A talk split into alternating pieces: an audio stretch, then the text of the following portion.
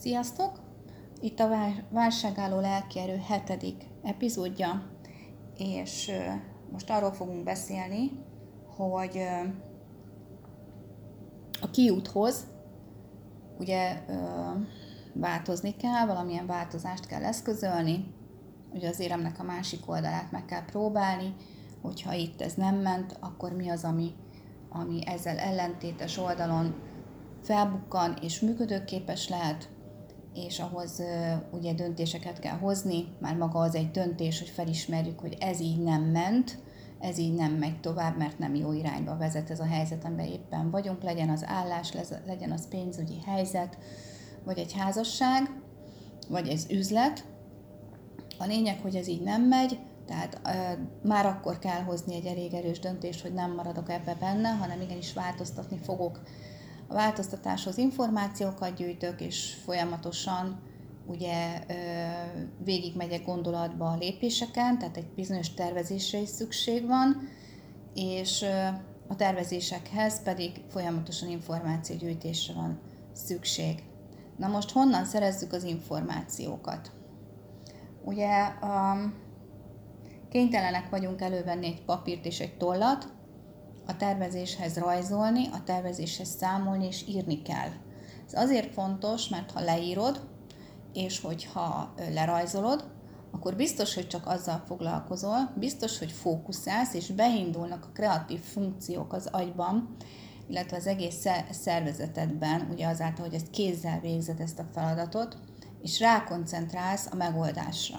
Tehát nagyon muszáj, nagyon kötelező, papírra vesd a gondolataidat, papírra vesd a terveidet, papírra vesd a számokat és a folyamatábrát, hogy milyen lehetőségeid vannak. Tehát munkahely, kilépek, nem lépek. Ha kilépek, akkor új állást kell keresni.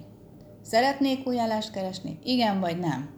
Ha nem lépek ki, akkor mi a megold? Tehát ezt egy ilyen igen-nem folyamatábrában gondolkozzatok elsősorban, mert ez elég egyszerű és gyorsan halad, és az ember érzi, hogy mi az, ami igen, és mi az, ami nem. Tehát a nemre nem vagyunk kíváncsiak, az igen pedig érezzük. Tehát ez egy elég jól végigvezethető ábra lesz, és ahhoz, hogy az érzelmeiteken túl az információk hitelessége is ellenőrizhető legyen, ahhoz azt javaslom, hogy próbáljátok meg az eredeti forrást mindig mindenhol megkeresni. Tehát, ha megjelenik egy cikk a mest, hála mesterséges intelligenciának a, a számítógépeteken, vagy az okostelefonotokon, vagy a tableteteken, akkor mindig próbáljátok kinyomozni, hogyha egy céget említenek, akkor a cégnek utána járni, ha egy egy személyt említenek, akkor a személynek utána járni, hogy az tényleg öm, nyilatkozott-e olyat, mondott-e olyat, tényleg úgy van-e, a statisztika tényleg azt mondja-e, és ne hagyjátok magatokat a média becsapásának, hiszen az újságírók ugye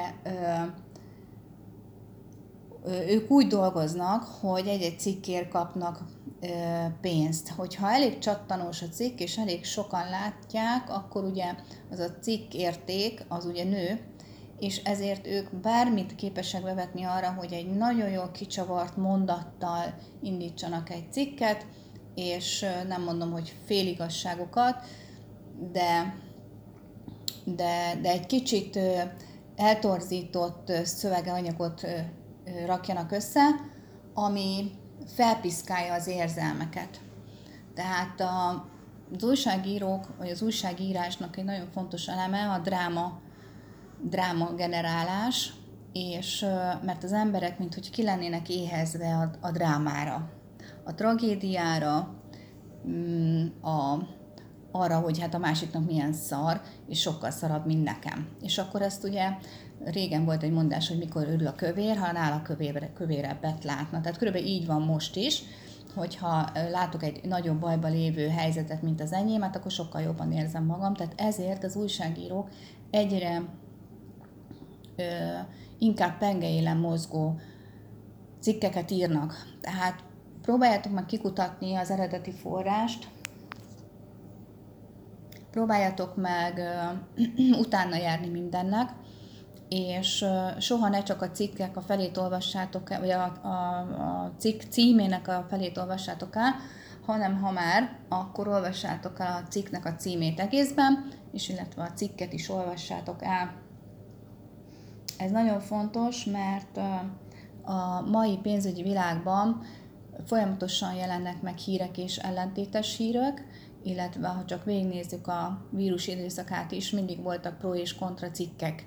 Tehát az ember gyakorlatilag a saját józan eszére van hagyva, egyedül van hagyva ebbe a történetbe, hogy melyiket hiszi el, és melyiket nem hiszi el, ők pedig gyakorlatilag ebből a fizetésből élnek, akik ezeket a cikkeket pro és kontra írják, vagy ezeket a véleményeket pro és kontra megalkotják. Tehát előbb-utóbb egyedül marad az ember az információval és a döntésével. Ezért nagyon fontos, hogy számodra megnyugtató,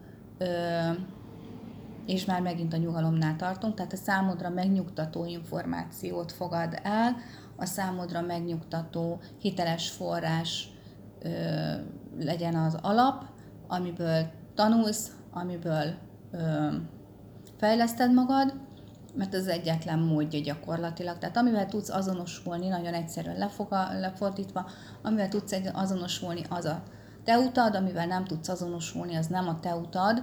Tehát bármennyire is tolja a média, vagy tolja a szomszéd, vagy, vagy bárki, hogy az a jó út, ha te nem érzed annak, akkor, akkor ez nem a te utad, kivéve, ha találsz egy olyan okot, amivel meg tudsz békélni, és azt mondod, hogy oké, okay, átmenetileg, de ezt így el tudom fogadni, vagy ezt így el tudom ö, ismerni, hogy akkor ez most így, így jó lesz nekem, és, ö, és, és nem ér túl nagy lelki trauma. Úgyhogy hajrá előre, ne adjátok fel, van kiút, sok munka van benne, melós, tehát a, a, a válságálló lelkierőt összeszedni és azt fenntartani, és folyamatosan egy szinten tartani, az nagyon melós. Mondhatom azt, hogy hullámvölgyek lesznek benne, és, és meg kell kapaszkodni, de aki tud úszni, az marad a vizem. Úgyhogy tanuljatok meg úszni, tanuljatok meg ezzel együtt élni, hiszen nem csak a mostani válságokra gondolok, ha bár most ez a válságálló szó, ez nagyon kelendő, azért is adtam a sorozatnak ezt a címet, de az egész életünk gyakorlatilag válságálló kell, hogy legyen, hiszen mindig fognak érni bennünket események, mindig kapjuk a feladatokat, és szemétől függően ezek a feladatok lehetnek egyenként is külön-külön válságot jelentőek, sőt, azok is gyakorlatilag, független attól, hogyha most túl sok embert ér el, és most ezt ilyen nagy népnemzeti válságnak, vagy világválságnak ö, nevezzük.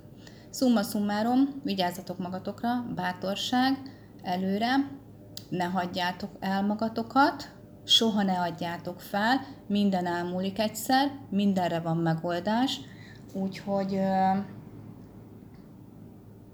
minden okkal történik, és még úgy soha nem volt, hogy valahogy ne lett volna. Vigyázzatok magatokra, sziasztok!